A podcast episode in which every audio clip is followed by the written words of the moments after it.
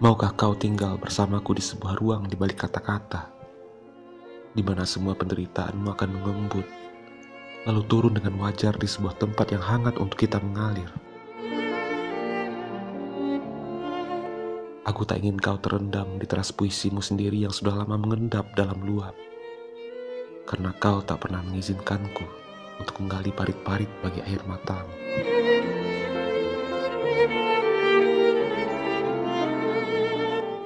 Aku tak ingin menempuh jarak antara kau dan kata-kata, karena selalu ada jeda pada apa pun yang dibatasi oleh rahasia-rahasia. Aku tak perlu jalan raya menuju hatimu yang terpencil. Aku tak perlu jembatan untuk sampai pada pasir pikiranmu.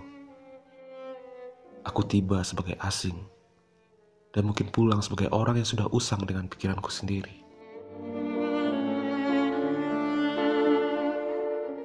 Aku kadang membayangkan kau sedang duduk-duduk di taman belakang rumahmu. Tanganmu begitu lihai memberi makan bintang-bintang yang jatuh. Sementara aku di tempat yang lain, membaca sajak di balik punggung hujan yang bergemuruh.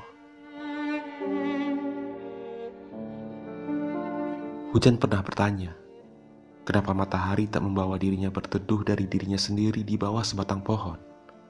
Atau aku yang sebenarnya sedang menyelamatkan kau dari diriku?